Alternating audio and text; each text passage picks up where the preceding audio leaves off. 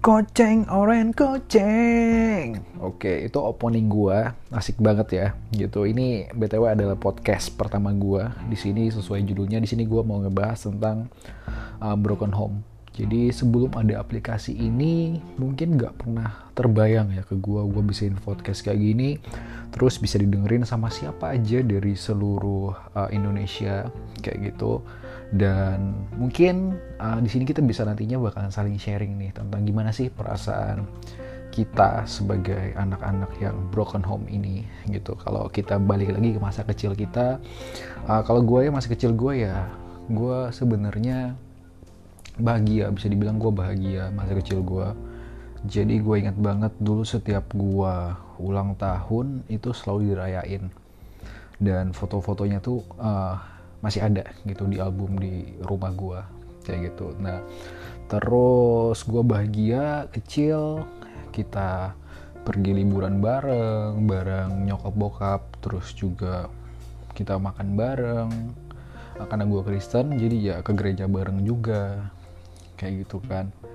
Dan bener-bener gue ngerasa dulu bahagia banget masa kecil gue sampai uh, gue itu punya adik gitu juga. Dan menurut gue adik gue ini nggak seberuntung gue gitu. Karena orang tua gue itu cerainya waktu gue kelas 6 SD jadi kelas 6 SD adik gue itu baru kelas um, 1 SD dia jadi dia menurut gue masih kurang sih mendapatkan kasih sayang atau perhatian dari kedua orang tua gue sedangkan gue tuh ngerasain sampai kelas 6 SD ini ya kelas 5an lah gitu. Nah jadi uh, pas waktu itu gue inget banget waktu itu gue pergi main. Kan gue gua oh ya gue kecilnya tuh di Kalimantan ya. Gue lahir di Kalimantan di Palangkaraya.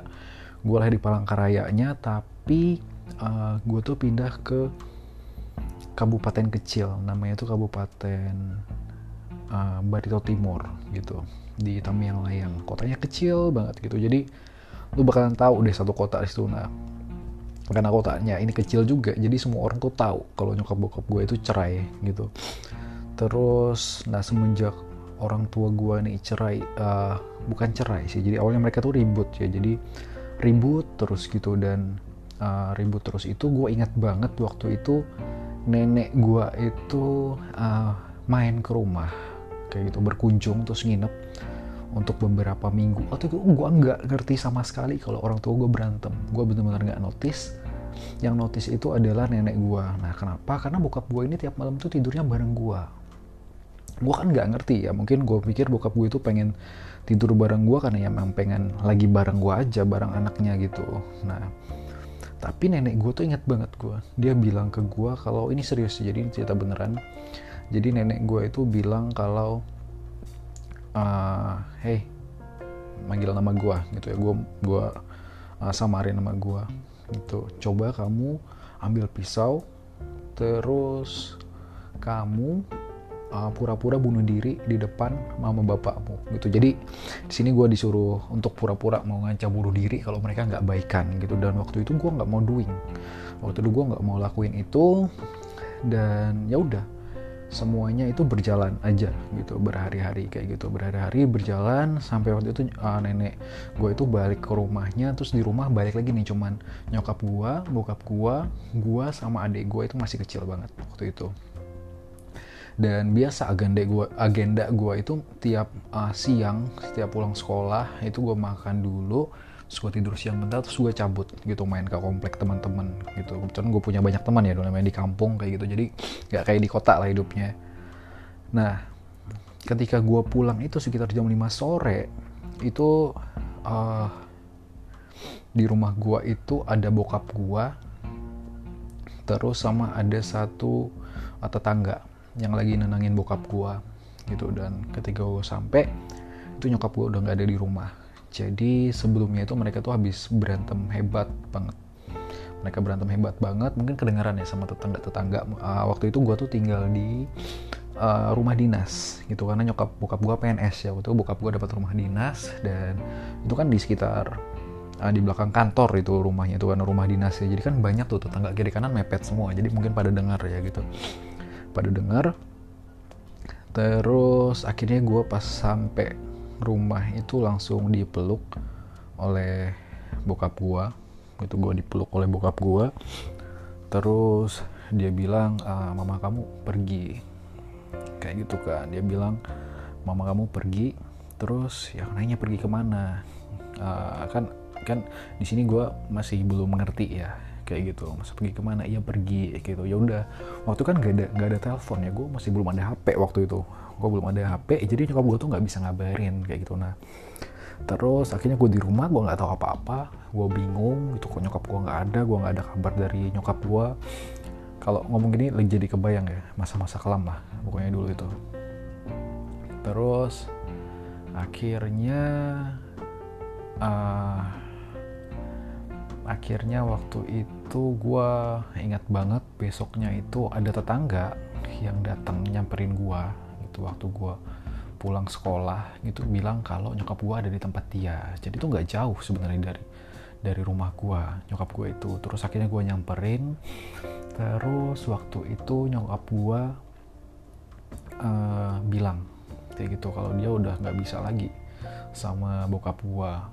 Jadi gua disuruh milih waktu mau ikut bokap gua apa mau ikut uh, nyokap gua kayak gitu. Ya udah gitu. Akhirnya gua pulang ke rumah gua pulang ke rumah.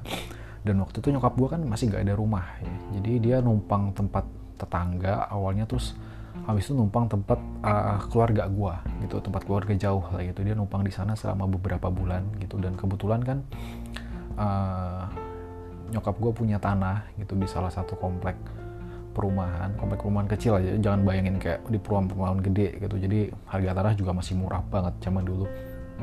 Uh, jadi punya sebidang tanah gitu akhirnya nyokap gue tuh mandiri banget orangnya. Akhirnya dia uh, mutusin buat ngebangun rumah di situ. Dia ngutang gitu sama orang uh, sama kayak kontraktor yang ada di tempat gua sana lah. Dia ngutang akhirnya dia mutusin buat nyicil per bulan gitu bayarnya bayar bikin rumah itu. Nah di sini timbul masalah lagi nih gitu. Karena rumah itu mulai dibangun kan mulai dibangun akhirnya mulai bisa ditempatin rumahnya. Nah di sini mulai diungkit-ungkit lagi. Gua mau ikut sama bokap gua apa mau ikut sama nyokap gua? Kayak gitu. Nah di sini akhirnya gua mutusin uh, buat ikut sama nyokap gua. Walaupun entah kenapa ya waktu itu tuh bokap gue tuh bener-bener sebenarnya tuh pilihan terbaik sebenarnya ya. Kalau kita lihat secara kasar kenapa? Karena bokap gue tuh royal banget zaman dulu gue ingat banget. Tiap dia pergi dinas itu kan dia di, kerja di uh, PNS ya di kantor. Uh, dia pergi dinas keluar kota itu dia selalu bawa mainan ke gue dan gue tuh ingat selalu bongkarin tas dia buat nyari receh logam-logam kecil. Jadi dia tuh suka kalau dapat kembalian receh itu dia nggak mau pakai. Jadi disimpan di tas tas apa ya namanya tas jinjing kayak tas laptop tuh lah zaman zaman dulu gitu ya buat orang kerja ke kantor. Nah terus gue tiap minta duit sama bokap gue tuh dikasih terus dulu karena dia tuh uh, royal ya sama anaknya zaman dulu. Tapi kenapa entah kenapa hati kecil tuh nyuruh gue buat ikut ikut nyokap gue nah di sini jadi ini menimbulkan uh, kecemburuan dari keluarga besar bokap gua. Nah waktu itu keluarga besar bokap gua tuh ada di kota besar ya, ada di Palangkaraya ya. Untuk di Kalimantan itu kota besar banget lah udah kayak gitu. Jadi mereka menimbulkan cemburuan, akhirnya uh, kayaknya mereka benci deh sama gua. Jadi mereka benci sama gua, gua nggak pernah main juga ke tempat keluarga uh, bokap gua. Kayak gitu. Nah singkat cerita, akhirnya gue ikut nyokap gue, gue tinggal di rumah yang dia bangun sendiri itu, dia uh, ngutang untuk bangunnya. Jadi ingat gue ingat banget waktu itu gue harus bayar setoran per bulan ke kontraktor gitu. Jadi tiap bulan gue datang ke rumahnya terus gue ngasih duit cicilan rumah itu gitu. Jadi pelan-pelan uh, akhirnya rumahnya jadi kayak gitu nah waktu itu uh, gue mulai bisa ngerasain itu dari ya kelas 6 SD itu sih sebenarnya. Itu gue ingat banget gue sampai dipanggil guru dan ditanyain kok gue jadi pendiam? Karena sebelum itu gue tuh sosok yang uh, ngebanyol banget lah gitu. Gue sosok yang suka bikin ribut di tongkrongan lah gitu dari dulu gitu kan. Gue suka uh, bercandain orang-orang dan tak kenapa bisa buka buka gue acara itu gue jadi pendiam gue suka ngelamun gitu kan. Itu gue ke SD kelas 6 loh gitu. Dan nyokap gue juga ngomong ke gue kalau ya gue itu jadi dewasa sebelum waktunya yaitu gue jadi dewasa sebelum waktunya dan kamu harus ngerti posisimu sekarang di sini ah jadi oh ya adik gue juga akhirnya ikut nyokap gue ya. Akhirnya adik gue ikut nyokap gue dan hmm, kita bertiga di rumah itu jadi sepi banget di rumah itu. Terus dia bilang ah, gue harus ngerti posisi kamu di sini dan kamu harus uh, bisa jadi uh, jadi jadi ngebantu mama di rumah ini. Waktu itu gue ingat banget ya gue kelas 6 itu. Hmm, kelas 6 naik ke kelas 1 SMP nah satu SMP itu gue udah masak coy gue udah masak. Jadi karena nyokap gue PNS gitu jadi dan gue sama adik gue sekolah itu dan dia tuh kerjanya bener-bener habis-habisan ya. Maksudnya kerja maksimal lah karena nggak ada lagi di sini yang tungkuan untuk nyokolain gue sama adik gue kayak gitu. Jadi nyokap gue kerja dari pagi sampai sore ya udah kecapean lah udah pasti ya. Dan akhirnya pagi sebelum berangkat ke sekolah itu yang masak itu gue mungkin kalian ada yang ngalamin juga dari kelas 1 SMP udah masak ya waktu itu masaknya udah pakai kompor gas ya.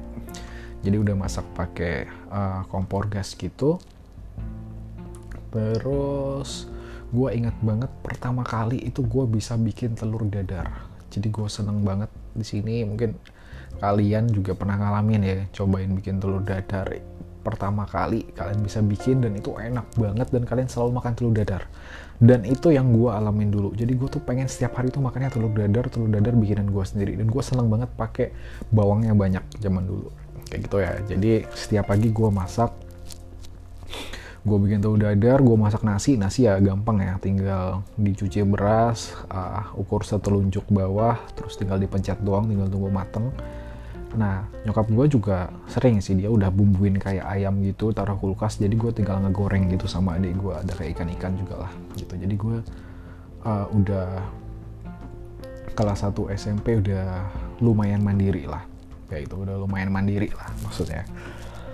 Terus nah hmm, balik lagi ke bokap gue bokap uh, jadi gue di sini nakal ya kelas satu SMP ini. Jadi gue sering gue sering dulu bilang ke nyokap gue kalau gue itu nginep tempat bokap gue dan gue bilang sama bokap gue kalau gue itu nginep tempat nyokap gue padahal gue nggak nggak ke rumah mereka berdua jadi gue di tengah-tengah nih gue main sampai subuh gue nginep tempat teman gue Nah oh iya, gue kelas 1 SMP ini temen gue tuh tua-tua semua, jadi gue paling kecil. Secara umur gue paling kecil. Waktu itu teman-teman gue itu rata-rata rata-rata itu anak SMA ya, teman gue waktu itu anak SMA kelas satu SMP kelas 2an lah, anak SMA kelas 2 rata-rata teman gue. Gue punya teman deket gue punya teman deket karena gue tuh saling rental PS dulu ya. Jadi gue sering rental PS jadi kan anak-anak SMA tuh yang main. Tapi di sini kenapa gue bisa gabung sama mereka? Karena badan gue tinggi badan gue sepantaran mereka. Jadi untuk di kampung gue lumayan tinggi lah. Kalau di kota ya biasa aja. Sadar aja lah tinggi gue itu jadi mereka temenan sama gue tuh nggak malu gitu kan. Nah gue mainan sama mereka ini dan mungkin kalian nanya-nanya di sini oh lu rokok nggak jadinya? Lu minum nggak? Apalagi lu kan di kampung gitu. Ya ya jujur aja gue nggak. Karena uh, eh, gue itu punya pemikiran kalau wah nyokap bokap gue udah posisi kayak gini. Gue di kampung. Wah waktu itu tuh bener-bener satu kota gue tuh tahu kalau nyokap bokap gue tuh cerai. Dan kalau ketemu gue tuh kayak sok-sok prihatin gitu. Bukan sok-sok sih mungkin prihatin beneran ya. Gitu mungkin mereka prihatin beneran. Terus ya jadi jadi buah bibir lah gue di sana kayak gitu karena ada gosip-gosip yang tidak menyenangkan juga untuk bokap nyokap gue gitu. Nah, gue main sama teman-teman gue ini dan gue punya satu teman yang akrab banget waktu itu karena gue kan sebenarnya punya PS juga ya gue punya PS2 wah kelas 1 SMP lu punya PS2 itu udah keren banget coy. Jadi uh, nyokap gue juga akan sering pergi dinas keluar kota gitu beda balik lagi dia PNS gitu. Nah waktu itu kan gue tuh ditinggal bisa sampai 2-3 hari 4 hari kayak gitu karena nah teman gue ini kelas 2 SMA ini dia itu kayak ya bebas lah sama orang tuanya. Jadi dia sering nemenin gue nginep di rumah gitu. Jadi kita pulang sekolah bayangin dia kelas 2 SMA gue kelas 1 SMP dan dia bisa temenan akrab sama gue jadi dia waktu nyokap bokap gue nggak ada ya walaupun gue tahu sih maksudnya ya dulu pengennya main PS karena gue punya PS kalau nggak ada PS mungkin ya nggak ditemenin sakrap itu ya. Jadi uh, dia selalu datang ke rumah dan kita tuh selalu main uh, kita tuh selalu main sepak bola. Bener-bener gak ada game lain cuman sepak bola doang. Gue ingat banget dulu winning eleven ya. Winning eleven iya gue kelas SMP itu winning eleven deh. Belum ada PES deh kalau nggak salah main Winning Eleven dan itu bener-bener gila seru banget coy. Zaman dulu main sama dia tuh sampai malam sampai tapi pagi sekolah gua pagi sekolah malamnya main sama dia sampai sampai tengah malam lah kita main terus pagi masak kayak gitu kan tuh. Kalau nyokap gua balik jadi dia balik ke rumahnya gitu dia nggak nginep lagi. Datangnya paling cuman kayak sore lah habis gua balik sekolah. Nah terus uh, gua itu oh nah kan tadi gue bilang tuh kalau gua itu nggak balik ke rumah nggak balik nggak nginep tempat bokap gua atau nginep tempat nyokap gua gue sering banget kayak gitu dulu. Jadi gue tuh main sama mereka mereka ini nih temen gue yang SMA ini. Tapi dia sebenarnya nggak terlalu nakal cuman dia ngerokok sih dia ngerokok.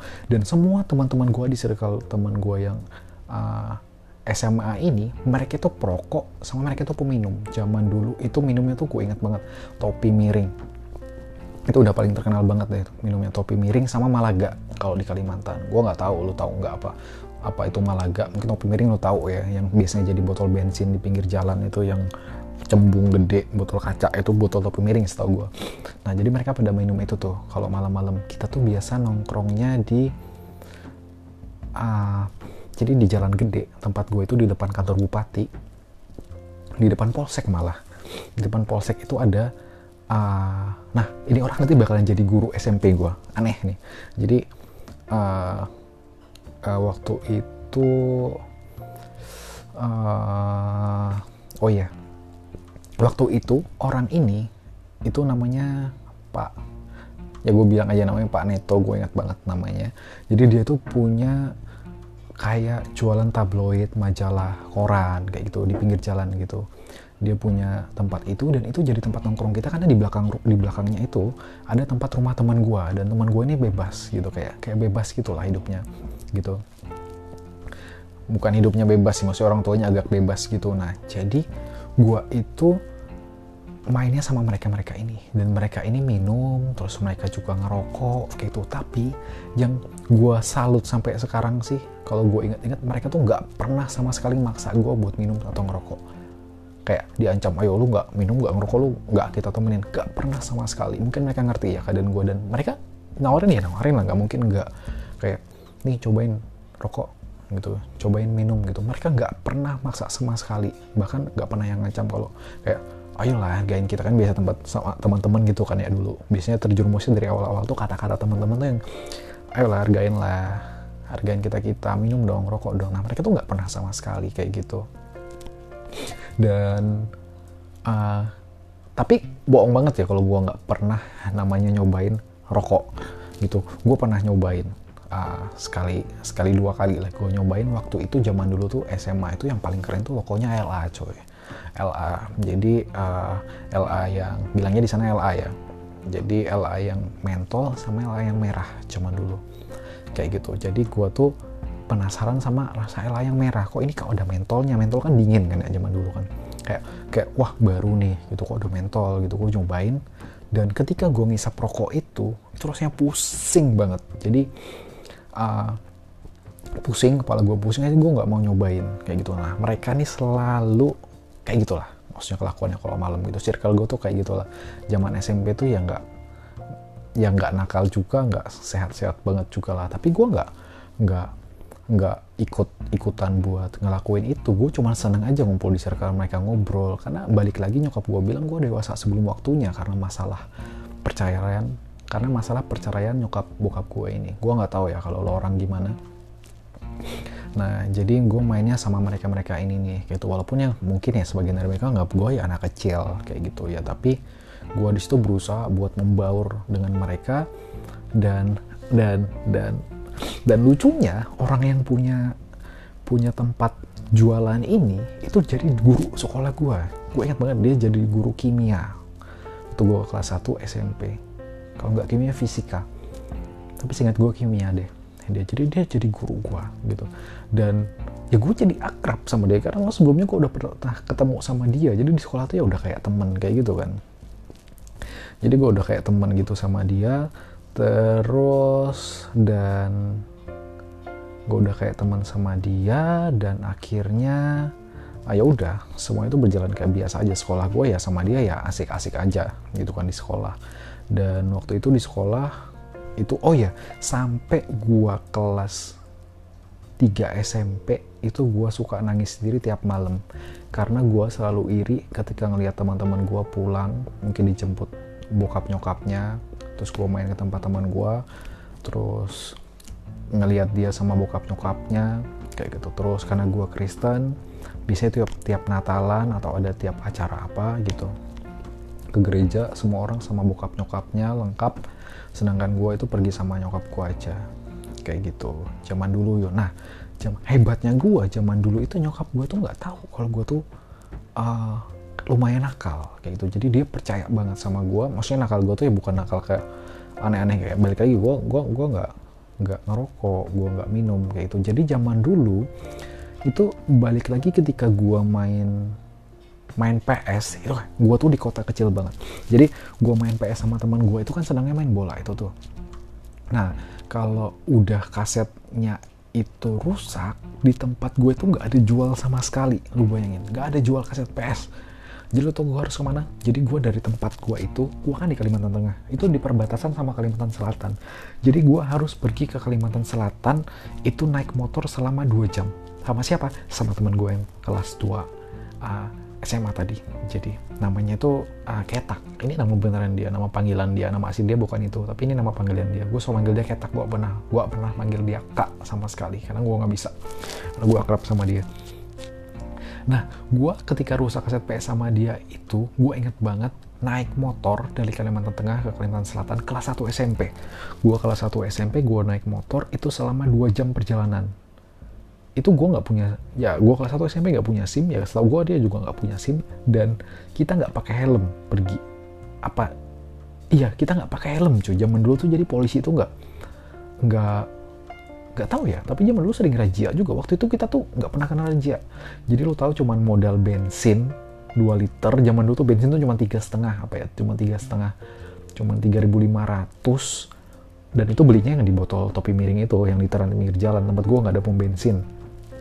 Jadi kita beli itu terus kalau diinget-inget seru banget gila. Gue naik motor sama dia Kalimantan Selatan 2 jam modal cuman beli bensin tadi terus duit 15 ribu ngepas buat beli kaset PS waktu itu 15 ribu harganya. Kaset PS-nya itu dia plastikan gitu ya bukan yang kotak dari plastik gitu karena kan ini bajakan ya pasti ya. Nah jadi uh, di sana beli kaset udah balik lagi cuy. Jadi kita nggak ada kayak kayak ke mana-mana jalan-jalan. Lu bayangin dari Kalimantan Tengah Kalimantan Selatan anak kelas 1 SMP kayak gitu. Jadi uh, gua balik ke rumah main PS lagi sama dia kayak gitu. Wah. Gue terima kasih Angker jadi dengan aplikasi ini gue bisa menghayal sendirian di kamar tentang uh, masa kecil gue kayak gitu kan. Nah nah terus tadi gue kan punya teman akrab di circle gue ini tadi. Balik lagi ke broken home ya masalah broken home. Gue punya teman akrab di sini dan dan ternyata uh, bokap ya. Maksudnya nyokap bokap gue bokap gue itu ya mungkin sekarang gue sih baru ngerti setiap cowok tuh kan pasti punya kebutuhan biologis ya di umur di umur segini gue ngerti. Dan dulu sekitar setahun kemudian um, dua tahun atau setahun kemudian bokap gue tuh akhirnya deket sama siapa? Sama nyokapnya teman gue nah nyokapnya teman gue ini itu memang udah nggak punya suami dari uh, udah lama sih. Jadi mereka suaminya meninggal bukan karena cerai jadi dia lama sendirian juga dan dekatlah sama bokap gue kayak gitu. Terus uh, ya kuat lah gue sama teman gue ini. Tiba-tiba teman main gue gitu tiba-tiba dia jadi saudara tiri gue gitu. Ya tiba-tiba sih dia jadi saudara tiri gue jadi waktu itu gue hmm, kaget dikabarin sama oh ya jadi ini jadi omongan orang uh, di tempat gua ya kayak gitu. Zaman dulu gue ingat banget. Jadi omongan kalau wah bokap gue ini dekat sama si si dia lah gitu lah. Kita sebut si dia aja lah. Dia si dia dekat sama si dia gitu. Dan ternyata emang benar ini. Tuh gue tiba-tiba gue ditelepon sama gue gak tahu saudara gue atau siapa gitu. Udah ada HP ya gue waktu itu gue ditelepon sama saudara gue kalau ini uh, bokap lu mau nikah ini uh, minggu depannya apa besoknya apa beberapa hari lagi gue lupa gitu. Dan bokap bokap gue tuh nggak bilang ke gue sama sekali. Waktu itu gue kan di kabupaten kecil dan bokap gue itu nikahnya di Palangkaraya di ibu kota. Dia numpang nikah di uh, tempat saudara kandungnya gitu. Jadi dia di sana uh, waktu itu gue nelpon sebelum hari H. Gue marah sama bokap gue kenapa dia nggak nggak ya walaupun ya suka-suka dia ya cuman ya seenggaknya bilang sama gue anak dia yang tertua anak kandung dia yang tertua kalau ya dia mau nikah kayak gitu kan. Dan dia ngomong kayak sama gue tapi ini nggak sama sekali. Itu gue sempat kesel banget sama bokap gue karena dia nggak ngomong sama gue gue gue nggak benci sama bokap gue tapi uh, bokap gue tuh nggak bilang dulu. Jadi bokap gue nggak bilang kalau memang dia mau nikah lagi. Gue nelpon bokap gue gue nanya. Kalau nggak salah waktu itu gue bilang pah. Gue panggilnya papa ya gitu. Jadi uh, kok mau nikah ya? Kok nggak ngabarin aku? Bokap gue ya cuman bilang terbata-bata iya iya aja mau nikah gitu. Gue dia nggak bilang minta maaf atau apa gue nggak tahu juga sih. Waktu itu dan kayaknya ya udah mereka nikah gitu. Dan sebelum sama bokap gue si perempuan ini itu udah punya anak ada empat ada empat. Yang tertua itu ya teman gue main tadi itu ya teman gue main tadi itu yang tertua ya. Terus ada juga pokoknya tiga cewek eh tiga cowok satu cewek anaknya gitu udah dan ya gue nggak benci sama bokap gue sih dengan pernikahan itu karena emang gue kasihan juga ngelihat bokap gue oh ya gue tadi nggak nggak nggak nggak selamanya juga bohong terus ya ketika gue mau main tempat bokap gue dan gue nggak yang selamanya selama itu juga bohong kalau gue bohong kalau gue tuh nggak ke sana. Gue beneran ke sana gitu. Jadi gue tidur nemenin bokap gue jadi bokap gue tuh kan kayak di dinas gitu ya. Jadi dia di dinas gitu dan dia balik ke rumah itu ya seminggu sekali eh dua minggu sekali gitu apa sebulan dua kali baliknya ke rumah. Nah jadi ketika bokap gue balik itu gue nemenin bokap gue dan lu pernah nggak dengar uh, nangisnya cowok? Itu kan pilu banget ya nangisnya. Dalam artinya kayak ya sedih banget kedengaran itu. Dia nangis di samping gua gitu. Gue ingat banget di tempat gua tuh tidurnya pakai kelambu. Tau kelambu nggak lu lu orang? Kelambu. Kelambu itu kayak kayak gimana ya? Jelasinnya. Ya biasanya ada di film-film horor kayak di kampung-kampung gitu sih dia. Jadi itu tuh buat fungsinya buat melindungi kita dari nyamuk-nyamuk yang ada di malam hari ketika kita tidur kayak itu. Dan gue juga dulu nganggap fungsi kelambu ini adalah sebagai penghalang dari setan-setan yang mengganggu gue karena gue zaman dulu penakut. Jadi lu pernah nggak? Jam dulu ke WC lu lari ke WC malam-malam nggak mungkin kan lu bangunin nyokap bokap lu buat ke WC habis lu dimarahin ditempeleng lu. Nah ketika gua ke terus gua mati lampu gua tuh pasti lari kenceng banget. Sampai gua masuk kasur sampai gua di dalam kelambu itu gua ngerasa aman. Jadi ketika dalam situ gua ngerasa bahwa setan-setan itu tidak bisa mengganggu gua gitu. Kalau zaman dulu itu lucu banget sih. Nah jadi bokap gua nih nangis cuy. Bokap gua ini nangis setiap malam setiap gua nginep situ dia nangis malam. Gitu. Itu zaman dia dia zaman zaman dia belum nikah sama si yang istri barunya sih kayak gitu. Jadi gue nggak marah sama dia. Dia nikah ya udah kayak gitu. Dan nyokap gue sampai sekarang itu uh, nggak nikah kayak gitu. Jadi dia memang memfokuskan dirinya buat gue sama adik gue kayak gitu karena memang uh, ini ada yang gue nggak bisa cerita juga sih di sini. Karena memang dulu cerainya nyokap sama bokap gue itu ya bukan bukan 100% salah bokap bukan 100% salah bokap gue atau bukan salah bokap gue karena mungkin lo orang kalau dengar dari cerita gue tadi mikirnya ya ya bokap gue nikah lagi mungkin karena emang salah bokap gue ya. Sebenarnya nggak salah bokap gue ya memang ada ketidakcocokan antara mereka yang mengakibatkan sesuatu dan lain hal. Dan uh, untuk nextnya gue bakalan cerita di podcast selanjutnya aja ya. Gitu gue nggak nyangka sih. Gue bisa cerita sepanjang ini dan gue seneng gitu bisa cerita ini. Apalagi ini kayak lu orang bisa nyaut gitu gue dengan senang hati sih ini cerita. Tapi ya gue cerita sendiri mungkin lu dengar mungkin lu ngerasain hal yang sama kita senasib.